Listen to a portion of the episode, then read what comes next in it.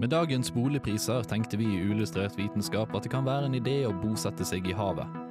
Men før vi tar vann over hodet med et lån fra Doggerbanken, tenkte vi at det kunne være lurt å lære litt om havet først. Vi skal derfor snakke om hva som bor på bunnen, om plast, og om Bermudatriangelet bør unngås. Hallo, hallo, hallo, og hjertelig velkommen til denne ukas sending av Uillustrert vitenskap. Mitt navn er Andreas Haugland, og med meg i dag har jeg Andreas. Hallo! Jeg har Kristine. Hei, hei. Og jeg har Martin. Hallo. Veldig eh, kreativt, må jeg si. Eh, takk for skulle det. gjerne vært med en tur og tatt et eh, Doggerbank-ran. Det hadde vært veldig fint. Ranet den. Ja, det er alltid lurt, det. Ja. Å eh, røyke litt korallrev. Ja, Nei, sant? nei, vi- nei, nei, nei. Nei, nei, ikke i Uillustrert gjør vi ikke sånt. Nei, hva er det for noe? Du har for mange pumps, Martin. Da går det over kvoten. Ja, det Ok. er farlig, det der. Man kan ikke ha mer enn nødvendig i det hele tatt. Nei, men det skal bli en veldig eh, gøy og spennende sending. Mm. Eh, absolutt. Hvordan har du det i dag, Andreas? Jeg har det veldig bra. Jeg gleder meg til å ta et dypdykk inn i dette. her. Eh, Ja, det er veldig bra. Oi, oi, oi, oi. Har vi en til siste eh, pønn liggende? Og vi skal på Vi skal trekke ekkolodd. Der har vi det. Nå snakker vi. Og med det så begynner vi dagens første låt, som er um, låten 'Bambino Steel' av Petter Barli, eller omvendt. Du får det her på Radio Revolt. Jeg lurer på noe. Hvorfor er det sånn, Hei, da? jeg bare lurte på. Jeg hørte her om Jeg dagen har altså? tenkt på dette lenge. det sant at jeg kan Men bli kanskje du radioaktiv kan svare på det? Vi svarer på akkurat det du lurer på. Uillustrert vitenskap sin innboks. Ja, vi har nettopp fått et uh, lytterinnslag i brev eh, i postkasseinnboksen vår. Eh, Ja. Den elektroniske, for, eh, for å være helt eh, klar på at eh, vi ikke har en fysisk postkasse. så er det nettopp det. Og Ja. hvem er det som lurer på noe nå i dag, Kristine? I dag er det Pål som lurer på om det finnes noen ting som setter klare spørsmålstegn ved evolusjonen. Hei, Pål. Hei, Pål. Ja. Hallo, Eh, Pål.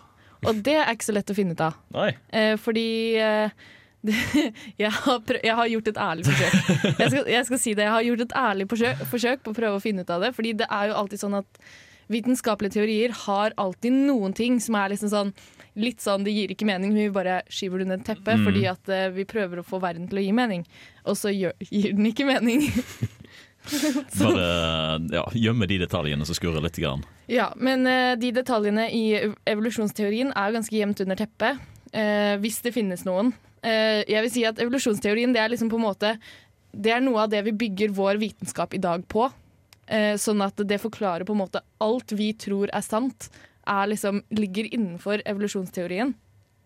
Men det er jo en gruppe mennesker som virkelig ikke tror på evolusjonsteorien. Ja, og Hvilke grunner kommer de med for å f- forsvare at det ikke er sant? da? Altså, Eh, det er mange grunner som ikke er Altså det er veldig mange argumenter som ikke er sanne. Ja, Eller sånne som ikke har noen basis i vitenskap i det hele tatt. Eh, det- For eksempel dinosaurbein ble plantet der av en allmektig gud eller noe sånt. Jo, både det og at eh, for eksempel det at man Det er ingen som ser at evolusjon har skjedd. Nei, Eh, men jo, fordi antibiotikaresistens vi ser Er- det i dag, liksom. Ja, at det, det er veldig tydelig. Men det er noen poenger som de skal ha. Eh, og det er at det er en stor mangel på mellomformer. Altså vi har veldig lite fossiler, og det er liksom ikke Vi har veldig lite ting som faktisk gir mening i den store Hvis du s- ser for eksempel hvis du prøver å sette menneskets eh, jeg vet ikke, opphav i en slags tidslinje, så får du det ikke til. Fordi vi mangler så veldig mye imellom, så det gir liksom ikke mening. Og det er på en måte det, da. Og så kan det heller ikke forklare hvordan livet starta, for det har vi ikke funnet ut av, egentlig. Og nå skal det også sies at det er veldig mye på en måte, ting som vi finner ut av fortsatt. Blant annet altså, utvandring, men- hvor de mennesker utvandrer fra forskjellige deler av verden og sånne ting. Og ja, sånne ting kommer frem nå. Vi driver gjerne og forsker på det, det er mye igjen. Ja, og det vi finner ut av er Eller for det meste, det vi finner ut av nye ting, underbygger evolusjonsteorien mer enn noe noensinne har klart å sette spørsmålstegn ved det. Så svaret er egentlig nei, Darwin har rett. Ja. ja. Hey! Ja, Det er faktisk det vi ville høre, da. ja, egentlig. ja. Men eh, det, ja. konspirasjonsteorier er morsomt. Det er kjempemorsomt. Det er så artig. Det er Mye løye vi kan gjøre med det. Vi skal videre med dagens første tema, faktisk. Og dagens første tema er nettopp Bermudatriangelen, eller Bermudaparallellogrammet, eller hva du vil kalle det for. Hvilken geometrisk eh, figur er din favoritt? Tenk på det under låten. Her får du 'Tunneler av tøfler'. Du får det på Radio Revolt. Hello, I'm Lynn Rothschild from NASA Ames Research Center, and this is Unillustrated Science. Du har kanskje hørt mange mysterier om Bermudatriangelet, eller Dødens triangel, hvor mange skip og fly har sporløst forsvunnet over mange, mange år, og som er da stedet i verden hvor flesteparten av fartøyene har forsvunnet på uforklarlig vis. eh, nei, sånn er det ikke helt. Bermudatriangelet er et veldig klassisk eksempel på en veldig utarbeida myte. Veldig mye oppskaka populærkultur, bøker og filmer, men det er veldig mange grunner til at det ikke er så farlig som har blitt lurt til å tro. For det første så er ikke det engang på topp ti-lista over verdens farligste farvann. Hvor det farligste faktisk ligger utenfor Japan. Og mange av verdens farligste farvann befinner seg på steder hvor det er veldig stor sjanse for større værfenomener, og Bermudatriangelet har ingen spesielt utsatte steder. Flesteparten av fartøyene som har forsvunnet i Bermudatriangelet, var mellom første og andre verdenskrig. Og dette var en tid hvor regulering av last og sikkerhetstiltak rundt fartøyene ikke var så veldig utvikla. USS Cyclops var en av de store fraktskipene som forsvant i Bermudatriangelet. Men dette skipet forsvant ikke på mystisk vis. Det har blitt etablert i etterkant at dette skipet var feillasta, hadde motorsvikt og samtidig traff på en veldig uventa storm.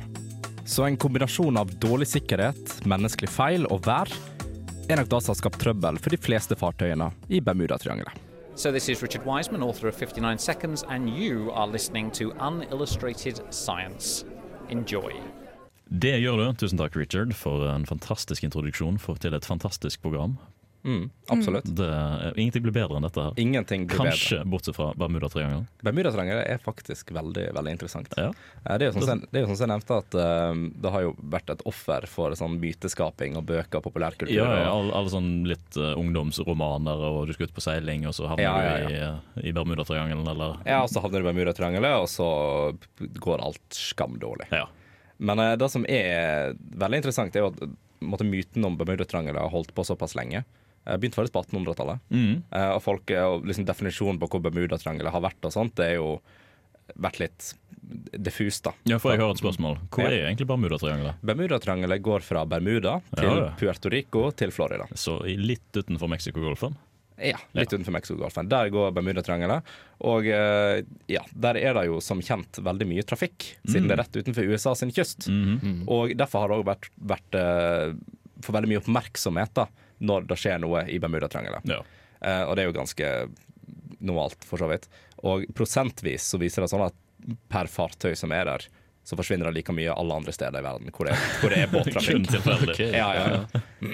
Men det, det som er veldig artig, da, eh, er jo at eh, veldig mange av disse mytene, og i hvert fall mest kjente mytene, kom opp rundt første og andre verdenskrig, sånn som jeg nevnte. Mm. Og eh, det var jo den her USS Cyclops, for eksempel. Den forsvant jo, men den var jo helt på trynet, hele båten. Så det var jo ikke rart den sank.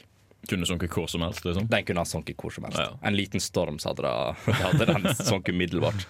Eh, men tingen var at sånn generelt på den tida så var det jo veldig mye hast for eksempel, rundt da første og andre verdenskrig med å bare få ut så mye ny teknologi som mulig uten at det var sånn helt super-megatesta gjennom. Mm. Eh, og da var Mye jo Eh. penger på det. Mye, veldig mye på utvikling. ja, veldig mye på utvikling, men ikke alt er perfekt. Ja, så de sendte ut masse greier som plutselig ble defekt sånn midt inni et eh, Ja. Ja. for eksempel. Og da har du jo de eh, som ble snakka om, det var fem, eh, fem amerikanske fly eh, som ble sendt ut i Bermudatriangelet på øvingsoppdrag. eh, hvor 27 mennesker mista livet, og alle fem flyene forsvant. Ja. Da det viste seg, var at disse hadde tydeligvis veldig store problemer med navigasjon, for kompasset funka ikke. Så de har sannsynligvis flydd seg vill. Og så spekuleres det òg på at de kan ha drukket seg full før de dro ut. OK. Ja. I Oi. tillegg. Ja. Bare for å gjøre det bedre. Ja, egentlig. Eh, så for det var veldig vanlig at når du skulle liksom bare ut på et øvingsoppdrag, du skulle ikke inn i krig, Nei, nei. så da kunne du jeg kan ta et par, par Ja, Styre pils, det går fint, det. flasker med sprit før du drar ut. så det var jo faktisk overraskende vanlig å drikke og holde på med ting mens en var i krigsøving. Kjøre hardt. Kjøre hardt. Ja. Eh, og så er det jo da med at på en måte, Bermudatrangelet er såpass dypt, og det er såpass stort område, at det er veldig vanskelig å finne, vr- finne vrakrester eh, og sånne ting. Og med en gang du på en måte ikke finner spor etter at her har det skjedd ei vanlig ulykke, og du klarer ikke bevise det, Mm. så eh, blir- skapes det jo spekulasjoner med en gang. Selvfølgelig. Og ja, det ble, altså, fo- Folk syntes det var gøy å skape, eh, skape historier rundt Bermudatrangelet, for at det var, de ble så hoppa på the bandwagon, liksom. De ville bare Ja. ha oppmerksomhet. Selge aviser. Ja, selv aviser. overskrifter.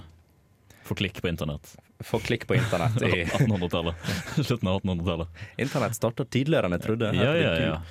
Eh, og så har du jo òg da at eh, Bermudatriangelet ikke offisielt eksisterer.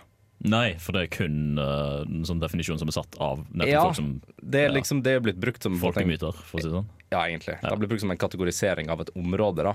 Men f.eks. USA de erkjenner ikke at Bermudatriangelet eksisterer i det hele tatt. Nei. Um, og derfor får heller ikke skip som seiler gjennom dit, noen sånn her ekstra forsikring eh, heller. For at det er faktisk ikke farlig å seile der. Nei, nei, nei. Og det er jo ingen moderne, spesielt moderne skip som har forsvunnet heller.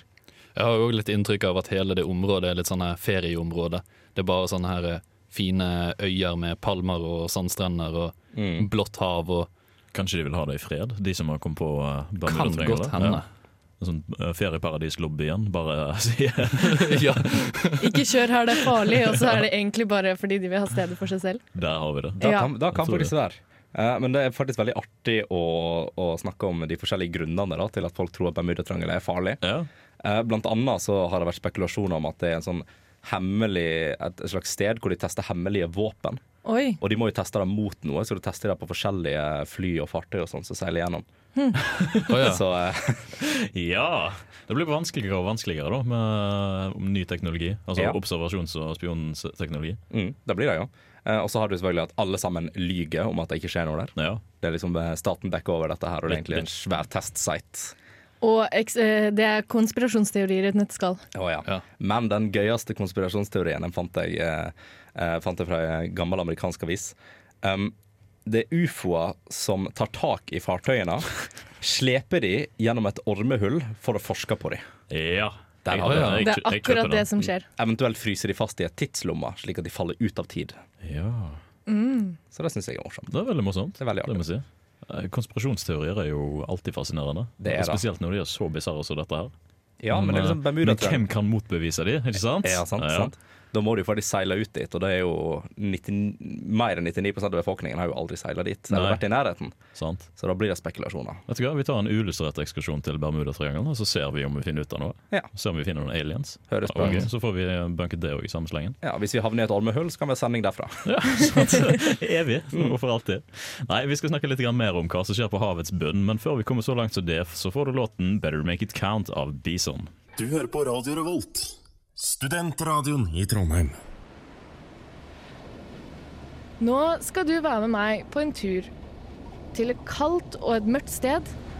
Men det er faktisk ikke verdensrommet denne gangen. Vi skal under vann. Så dypt at vi sannsynligvis vil bli knust under trykket. Men samme det. Her er trykket på hundrevis av bar. Det er lite oksygen, lite mat og absolutt ikke noe lys. Skulle ikke tro noe kunne leve her, men hvis vi har lært noe i uillustrert vitenskap i det siste, så er det at livet alltid finner en måte å klare seg på. Der det er mest liv, er rundt undervannsventiler eller hydrotermiske skorsteiner, som det også kalles. De finnes i vulkansk aktive områder og i sprekkene mellom kontinentene. De varmer opp vannet og slipper ut mineraler som bakterier kan trives med. Det er heller ikke vanlige bakterier det er snakk om, de lever uten oksygen og får energien sin fra hydrogensulfid, ammoniakk eller hydrogengass. De driver altså verken med fotosyntese eller selvånding. De driver med kjemosyntese. Nederst på næringskjeden finner vi altså ikke planter, men vi finner bakterier. Og rundt dem er det et helt økosystem av dyr som snegler, reker, krabber, fisker og blekksprut. For eksempel har vi skjeggormen, den sitter fast på havbunnen og absorberer næringsstoffer fra bakteriene som lever på og i den.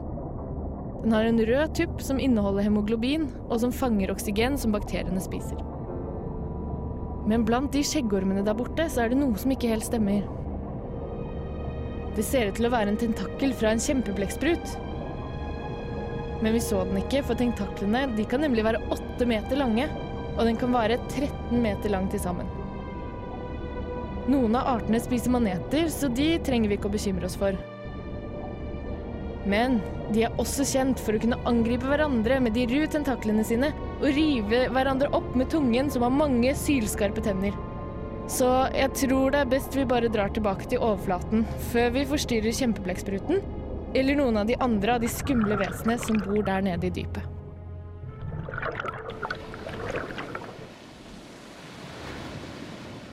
Jeg er Aksel Tidemann. Jeg jobber som forsker på kunstig intelligens ved Telenor Research, og du hører på uillustrert vitenskap. Og for å ta en liten eh, fulltur tilbake til starten, så er jeg spent på nå om du har tatt deg ho vann over hodet, eller om du er klar for å fortelle oss mer om havets bunn. Ja, vi har mye vann over hodet her, ja. Ja. Mm. Faktisk så mye vann at vi er ganske dypt under vann. Ja. Ja. Er det bare jeg som holder på å drukne? Du må huske å puste. Oh, ja, stemmer. Ja. ja. Nei, men vi er klare for litt eh, dyp vann. Veldig, veldig. Ja, hadde du en fun fact til meg, Martin? Ja, fordi vi liker jo å tro at vann er inkompressibelt. Mm, Det er det ikke. Det er nesten det, men på, Ja. bu på bunnen av eh, Challenger-dypet, altså helt nederst i Marianergropen, Ja. der leste jeg et sted at eh, eh, vannet har faktisk 5 høyere tetthet. ja, fordi det er knust så mye av trykket. Ja. Det Hm. Spennende. er fascinerende. Det er interessant. Mm. Det er ganske mye. Verden Tusen blir bar. Ja, tusen bar. Tusen bar. Litt over tusen. Tusen, tusen atmosfærer. Det er Ja. ganske mye trykk. Det er veldig mye trykk. Og hvis man tenker på de tingene som lever under der hvor det er så mye trykk, så er det en ting som ikke gir helt mening, og det er at eh, noen eh, virvelløse dyr blir veldig, veldig, veldig store. Sånn som for eksempel kjempeblekkspruten, da, som blir eh, 13 meter lang. Ja, men hvorfor blir den så stor? Eh, Krever det ikke veldig mye energi for å holde den i live? Jo, Med den det- størrelsen? Jo, det gjør det. Det kreves veldig mye energi, og eh, man har ikke helt skjønt hvordan de kan bli så store. Det er noen som tror at det er pga. eh, temperaturen, at det er lavere temperatur. Så derfor så lever de lenger og får mer tid til å vokse. Mm.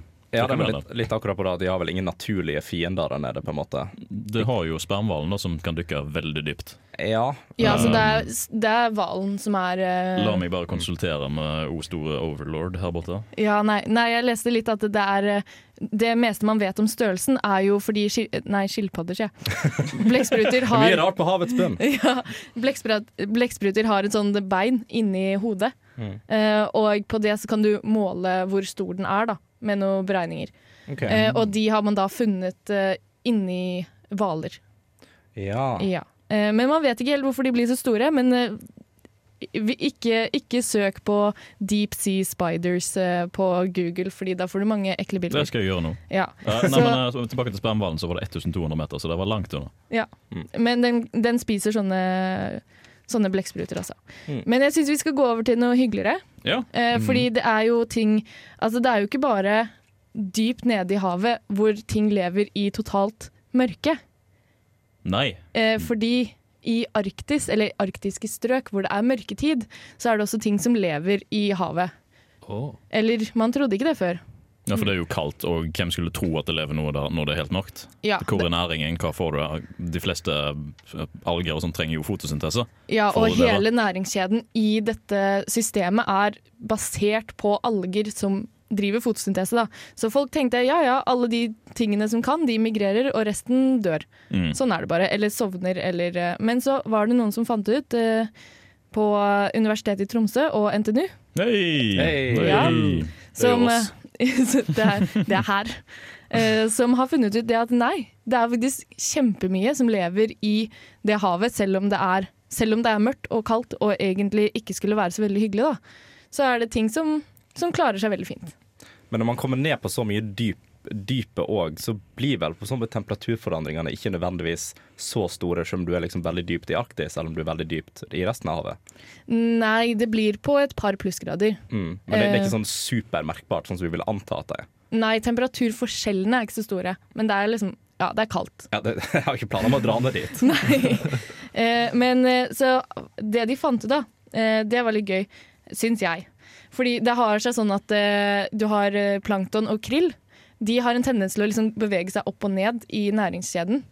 Eh, og eh, eh, så har man funnet ut at det gjør de selv om det er mørkt, fordi de lever på lyset fra månen. Ja. Og i fullmåne så lever de faktisk 50 meter ned fordi det er altfor mye lys fra månen. Ja. Utrolig interessant. Jeg sa Eh. nå at jeg har gjort en liten teknisk glipp, så jeg må nesten bare avbryte deg der for å kunne segway inn til det neste segmentet, for vi har eh, glemt å ha en såkalla musikalsk innslag for å segwaye videre, så vi segwayer videre akkurat nå, om litt grann til. This is Alan Moore, and you're listening to Unillustrated Science. Nå som plast og hav, og da spesifikt plast i havet, er aktuelt og preger nyhetsbildet, som man ofte sier, er det kanskje på tide at vi tar det opp her i programmet også. Vi har fått med oss at problemet er omfattende, men nøyaktig hvor omfattende er det? Vel, det er vanskelig å få eksakte tall, men det ble beregnet i 2012 at det var totalt 165 millioner tonn plast i verdenshavene, hvor 250 000 tonn flyter på overflaten. Denne plasten er fordelt på 5000 milliarder biter, bestående av alt fra store plastbiter til bitte små biter kjent som mikroplast. All denne plasten blir så fraktet rundt med havstrømmene, som leder til at plasten på overflaten samles i store øyer, sånn som den såkalte Great Pacific Garbage Patch, som er anslått til å være fordelt på et område nesten på størrelse med Mexico. Men det er ikke kun havstrømmene som tar med seg plast. Mikroplast kan også fraktes med vinden og fraktes rundt i atmosfæren, som leder til at plasten også finner veien til Arktis. Og når rundt 90 av plasten synker til bunnen, kan man si at øyene bare er overflaten av problemet. Men alt er ikke bare kjipt, fordi forskerne er i full gang med kartlegging og prøver å finne løsninger på plastproblemet. I mellomtiden er det likevel lurt å kutte ned på plastforbruket.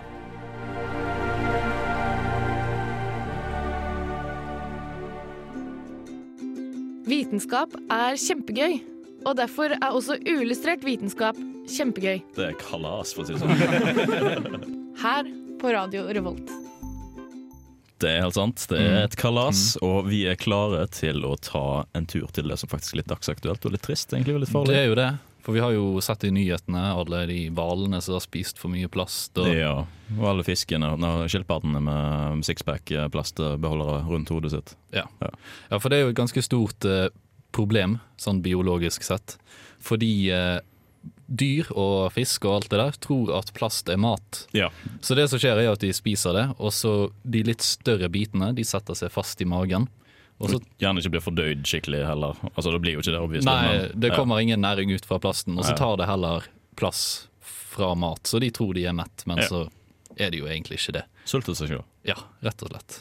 Det var veldig trist. Det var Det det. var det. Altså, det, Det det, blir er ikke, en gøy sending, jeg. det er ikke et hyggelig tema, det her med plast i havet. Absolutt ikke. men det er veldig viktig. Det er veldig viktig. Det er eh, bra med opplysning, har jeg Mm. hørt. Det er jo det. Men så er jo vi mennesker litt smartere, vi spiser jo ikke plast. Nei, Eller gjør vi det? hørt. Jo, Jo, det gjør vi. Vi gjør det, for det, kalles, det er noe som kalles mikroplast, Ja. som vi har hørt også mye om. Og det er jo litt sånn som finnes eh, rundt omkring i atmosfæren og Overalt, egentlig. i, i vann, drikkevann og sånn. Nå, nå er det ikke så enorme mengder at vi vet om det gjør noe skade, men eh, Men Martin, ja. hvordan blir mikroplast til? Mikroplast blir til av at plast deles opp i små biter Yes. av, av diverse strømmer og sånn. Jeg er faktisk litt usikker. Er det noen som har en Nei, det er vel det at det deles opp i mindre og mindre biter, helt Ja. til det er så lite at eh, ja, det er nesten partikkelstørrelse på det. Ja, jeg tror de, de så på Det de fant på Arktis, det var snakk om biter som var på 0,05 millimeter Mm. og mindre. Ja, sant. Og mindre. Ja, Og det er ganske mindre. lite. Så det er ganske lite. Og når, mens vi er inne på mer plast, så kan vi jo gå over til plast i Norge. For vanligvis så er jo vi på utsiden av sånne her økologiske problemer. Det er sånn Tørke, ja, det skjer Mm. Det går ikke. helt fint. Ja, flom har vi av og til, men ikke sånn orkan, flom og diverse på samme måte som i andre land. Nei. Men plast, det treffer oss. Det traff oss veldig hardt òg. Ja, for eksempel eh, Jeg fant jo ut at i mitt hjemfylke Hordaland i Det er et fint sted. Ølgarden- Å, det er et fint sted. Hordaland. Hei. Hordaland, Hordaland! Der fant de plast. I- Oi, fant de pla- Hæ? de Fins det fant- plass der? Ja, de fant massevis av plast i Øygarden. De hadde jo egentlig holdt det litt hemmelig fordi forskerne hadde de hadde funnet massevis av plast, og Mm. så hadde forskerne bare holdt det hemmelig, sånn at de kunne ta over øyen. Eh, sånn at eh, de kan forske på plasten i området. Ja. Så nå er den eh, øyen i Øygarden tatt over av forskere som skal finne litt ut Du av det. skal redde verden, det er målet? Ja. Ja. De hadde til og med besøk av en FN-ambassadør, og han ble svært overrasket. Han har vært med på opprydding i India, og han hadde ikke sett for seg at det var så gale som det var i Øygarden. Nei, ok. Men, men var det ille, virkelig ille, eller var det bare mye søppel? Altså, på en skala fra eh, ja til søppel? Det sto ikke. De hadde dessverre ikke en sånn skala. Nei. De bare sa det var overraskende mye, og det var veldig trist. Nå tenker jeg litt sånn, Er det s- bare pga. det i Norge? Altså, At det finnes søppel i Norge? Å nei, det er trist. er det- Eller er det mye? Du hadde ikke trodd at det skulle være sånn i Norge. Det, det er jo kanskje litt sånn. Kanskje litt sånn. Vi har jo Vi har jo en litt mentalitet av at vi er litt Ja. utenfor. Ja. Vi, vi er litt unike. Mm. Men vi har jo litt tiltak. Nå er det jo snakk om det med plastpose, alt det der. Eh, nå er jo plastpose fortsatt litt viktig for eh, i vårt søppelsystem. Mm. Men vi får jo se om de får fikset litt på det. Ja, Det er jo noe de har gjort mye med over tiden, og gjort det mer nedbrytbar hele veien. Ja, ehm, jeg tenkte bare så kom en sånn liten positiv, eh, positiv Nei, vi skal ikke ha noe positivist. Nei, Jo, ikke- jo, kom an. Ok, Kom altså, an. Last oss med positivitet, vi trenger det. Ja, Pose.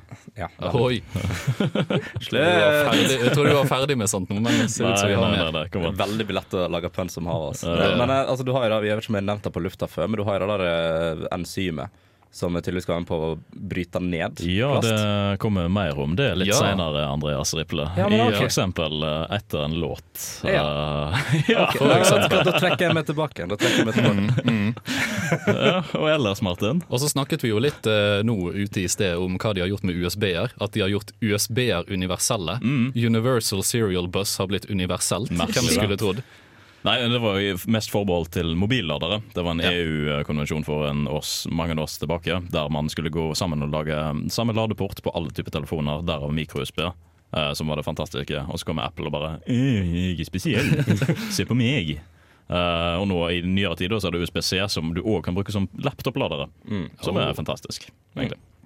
Så har Meget du- bra. så har du òg veldig mye sånn de har lyst til å innføre mindre plastflasker Ja. eh, og sånne ting òg. Ja, Aluminium er fint. Aluminium er fint. Bortsett fra hvis du skal slå gress, har jeg hørt. Og skal gi det til dyra dine. Eh, ikke gi Ikke, aluminium ikke til gjør dyra. det. Nei, Ikke gjør det. Ikke gjør det. Det er veldig farlig. Gi dem mat, sånn som Ja. vanlige folk. Eh, ja, nei, Det er en av de tingene. Plastflaskene jeg husker når jeg var yngre, de var mye tjukkere. Det var, jo- Mm. Du kunne ikke bøye de, eller de ga jo ikke etter fra vekta til eh, fluidet inni de. Mm. Det er jo noe de har gjort nå i nyere tid, de siste tre-fire årene. at Det har først har kommet inn. Ja. Det er tiltak på vei, vi håper bare ikke at det er for Ja. seint. Ja, Mm. sant. Får Håpe det var det. Og så har vi jo de der eh, magiske enzymene som du skal snakke om Ja. senere. Men det kan vi jo ta etterpå. Det kan Du- vi ta etterpå. Har du mer, Martin? Nei, for eh, jeg har ikke sett så mye på enzymene. Det var Nei, din nei, nei. jobb. Ja, det er min jobb. Ja, men jeg er klar for å prate om enzym mer. eh, Men eh, Da før vi synes jeg vi skal gjøre det. Ja, før vi kommer så langt som det, så har jeg lyst til å høre en låt. Um, og det er nemlig låten 'Your Teeth In My Neck' av Kai Ulsh- Ushis. Du får det her på Radio Revolt. Det her er Jon Anders Lie, jeg er psykolog, og du hører på Uillustrert vitenskap. Det er helt sant. Du hører på Ulstad vitenskap. Og hvis du har lyst til å høre litt mer fra Jon Anders, så kan du høre den forrige sendingen vår, f.eks. Uh, der vi Gjør snakket det. om psykisk helse. Det var en veldig bra sending. Mm. Ja, absolutt. Men nå, Andreas Riple, skal vi snakke om eh, det som vi, du ville snakke så veldig mye om i sted. Enzym er morgen. Ja, det skal vi snakke om. Eh, la meg bare finne fram boka mi. Jeg ble bare litt eh, overivrig. Du ble veldig overivrig. Eh, Det må jeg absolutt si. Jeg liker engasjementet. da. Det var, det var kjempefint. Setter pris på det. Føler det er viktig å Um, liksom, bringe inn de positive nyhetene når som helst. Eh, Når som helst, Ja, ja, ja, ja. For om du er veldig redd for at plast skal være din undergang, så frykt ei. Forskere har funnet kanskje løsningen. Legges- Kanskje. Nei, nei, nei, det er kanskje. altså. Ja, ass. ja, men det er det forskere elsker, kanskje. Det er sånn det skal være. De er veldig forsiktige av seg, så de kan ikke gå ut med alt sammen. De kanskje går ut med det. De kan ikke, kanskje. Kanskje. Ja. Ok. Eh, Men i 2016 så ble det funnet en bakterie på en søppelplass i Japan som viste seg å spise bakplast. Ikke bakplast, han spiste bare plast. Han spiste bare plast. Eh, eh, og det var for, på grunn av et enzym da, som eh, brøt ned den PET-plasten. eh, som er eh, veldig Jeg tror det var en sånn 60 av det som er, vi har problemer med, da, som er laget av den plasten. Da. Hmm. Eh, ja. Har du noe? Nei. Nei, Nei, det var, bare, jeg- det var jeg en, Eh, klødde tenk, meg en på nesen. tenkegest. En tenkegest. Um, og det er et veldig stort problem, fordi vi resirkulerer jo kun en liten andel av alle flasker vi har, og all eh, innpakking. Spesielt utenfor eh, gjerne da eh, første verdensland. Mm. Kanskje eh, nå, sk- nå snakker jeg litt grann ned på andre land, men det er jo der, i hvert fall i Norge, da så har vi jo s- kultur i hermetegn for å pante flasker, og sånt, så du får litt mer gjenbruk. Eh, I andre land så er det jo et kjempestort problem, dette her. Um, ja. Så har disse forskerne da, som har sett på dette, her eh, faktisk funnet ut at det er flere typer bakterier som spiser eh, plast. Det er overraskende mange som gjør det. Men de har tvika litt grann på dette enzymet som disse bakteriene skiller ut, eh, for å se om de kunne forstå dette bedre. Da. Eh, og rett og slett eh, få det til å spise plast mye raskere enn eh, det gjorde allerede. Målet er at enzymet skal bryte ned plastflasker og plastkomponenter Nei, plastemballasje og sånt ned til komponentene, sånn at du kan basically bare høste inn igjen da, komponentene og så resirkulere det. Sånn eh, ja, karbon, oksygen og hydrogen i hovedsak, og pluss litt ekstra tull. Spørs hva type plast du skal ha. Hmm. eh, og sånn som det. Men spørsmålet er hvor effektivt kan de gjøre det med tanke på plastproblemet i dag? Det er nettopp det. Det viser seg at det som de har funnet nå, dette her um, PETASA, var det det jeg kalte det for, um, som er enzymet, eh, kunne sette i gang i løpet av et par dager med prosessen. Ok. Sammenlignbart så er vanlige PET-plastikk nedbrytbart med en syklus på rundt 450 år. Ja. Så det er ganske stor forskjell på det. Men altså, de kan, kan bryte ned på en måte ei hel plastflaske på et par dager? Var det? Nei, starte og De bryte kan ned. starte Ja, prosessen, ja. men har de et estimat på cirka hvor lang prosessen vil bli? Eh, ikke så jeg har funnet per nå, men eh, det kan absolutt googles eh, for de av dere som er nysgjerrige på det. Det finnes haugevis med artikler ute. Det er ekstremt mye i vinden akkurat dette her nå. Eh, og det er veldig spennende, fordi det er jo kanskje den største optimismen eh, med, med tanke på å løse plastkrisa. Ja, det er jo tross alt en av de største eh, på å si, naturvernkrisene vi har. Mm. Det er jo et problem. Det ligger der, det, det blir aldri borte. Og som vi snakket om i sted, dyr spiser det. Eh, så ja. Tusen takk, 1900-tallet. Jo, bare hyggelig. Eh, 90s eh, kid, er det ikke det det er? Jeg husker alt sammen. Så, ja, ja.